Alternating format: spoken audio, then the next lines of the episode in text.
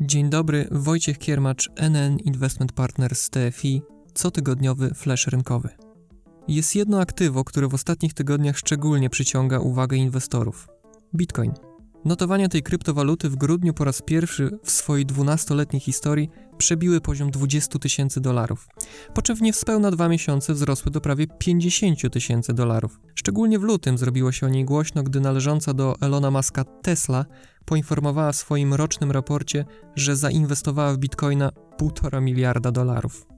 Spodziewamy się, że w najbliższej przyszłości zaczniemy akceptować bitcoina jako formę płatności za nasze produkty, zgodnie z obowiązującymi przepisami i początkowo w ograniczonym zakresie. Czytamy w raporcie Tesli. Ale to tylko jedna z pozytywnych informacji dla bitcoina i całego rynku w ostatnich dniach. Możliwość dokonywania transakcji za pomocą wybranych kryptowalut zapowiedział bowiem Mastercard – globalny lider w branży płatności elektronicznych. Jak czytamy w komunikacie firmy, ta zmiana może otworzyć handlowców na nowych klientów, którzy już teraz chętnie korzystają z cyfrowych środków płatniczych. Mastercard mocno akcentuje jednak, że nie wszystkie kryptowaluty znajdą się ich na platformie.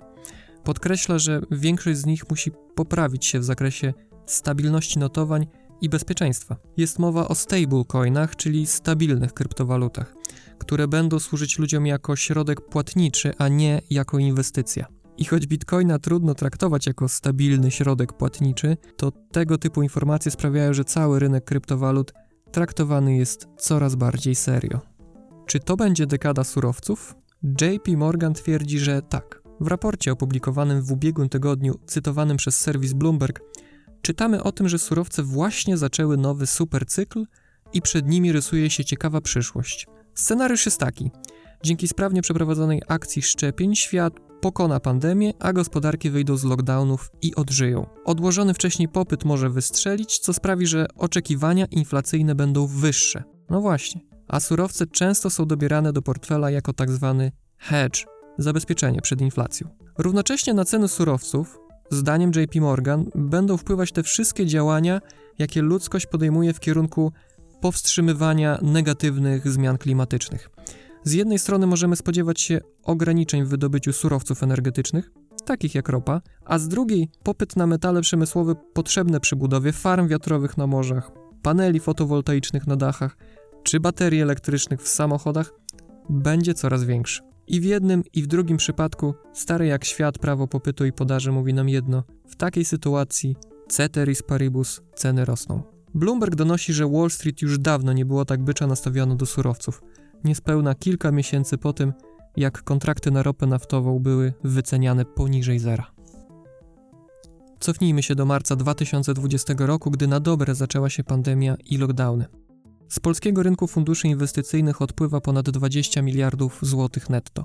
Nigdy w prawie 30-letniej historii rynku TFI nie było takiego miesiąca, w którym reakcja inwestorów byłaby aż tak gwałtowna nawet w czasie wielkiego kryzysu z 2008 roku. Wydawać by się mogło, że towarzystwa funduszy jeszcze długo będą odbudowywać się po takim ciosie, ale rzeczywistość zaskoczyła. Od maja do grudnia na rynek wróciło prawie 22 miliardy złotych, a nowy rok zaczął się z przytupem. W styczniu do funduszy wpłynęło prawie 5 miliardów złotych netto. Jak donosi portal analizy.pl, to trzeci najwyższy miesięczny wynik sprzedaży w historii polskiego rynku funduszy.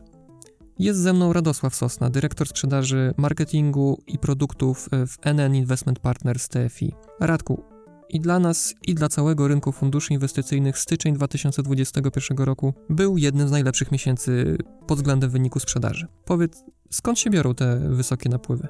To wynika z otoczenia makroekonomicznego. Mamy y, rekordowo niskie stopy procentowe w Polsce. Lokaty czy wszelkie y, inne rachunki oszczędnościowe, konta bieżące one są procentowane y, blisko zera, dlatego ludzie coraz częściej klienci potencjalni szukają innych alter, alternatyw do lokowania swoich środków. I wydaje mi się, że jednym z beneficjentów tego typu napływów są właśnie fundusze inwestycyjne, w szczególności te dłużne. Styczeń też zawsze jest miesiącem zazwyczaj dobrym dla e, branży funduszy inwestycyjnych, więc jest to troszkę taki efekt mm, cykliczny, mocnego rozpoczęcia roku. Natomiast spodziewam się, że te napływy będą kontynuowane i faktycznie ten 2021 e, rok może być dla branży e, rekordowy. Tradycyjnie już najwięcej nowych środków wpływało do naszych trzech funduszy dłużnych, ale zaraz za nimi jest nasza nowość NN Indeks Surowców z 24 milionami złotych napływów netto. Jak ocenisz ten wynik sprzedaży i potencjał do tego, jak ona może się kształtować w tym roku?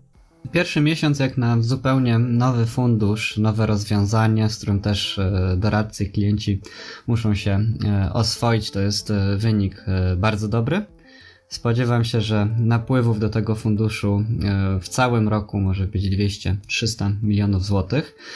Jest to przede wszystkim unikatowy fundusz na polskim rynku. Nie są to akcje spółek surowcowych ani ekspozycja na metale szlachetne, czyli dwa najbardziej popularne typy ekspozycji, tylko faktycznie ekspozycja na cały koszyk surowców, czy metale szlachetne, przemysłowe, e, wszelkie e, ropopochodne części z koszyka Energy e, oraz surowce rolne.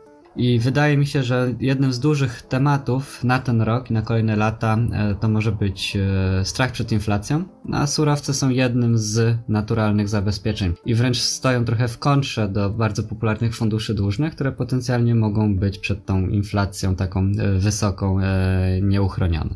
A jakich sprzedażowych trendów spodziewasz się na rynku funduszy w tym roku? Spodziewam się dalej dużych napływów do funduszy dłużnych mm, polskich, zwłaszcza dla klientów, którzy pierwszy raz będą e, inwestować e, w fundusze inwestycyjne jako ta, e, taki pierwszy krok po lokacie.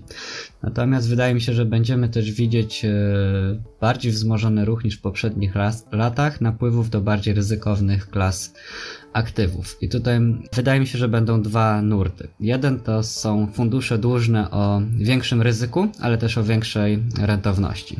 Te przykłady tego mamy w naszym parasolu tak zwanym luksemburskim, czyli e, NN globalny dług korporacyjny i NN obligacje rynków wschodzących.